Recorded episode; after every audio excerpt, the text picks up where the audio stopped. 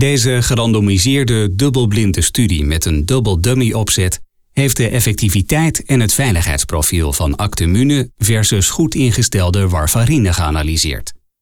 31.404 patiënten van 21 jaar en ouder met niet-valvulair atriumfibrilleren en een recent ECG, een CHAT-score van 2 of hoger en geplande anticoagulatietherapie werden opgenomen in de studie.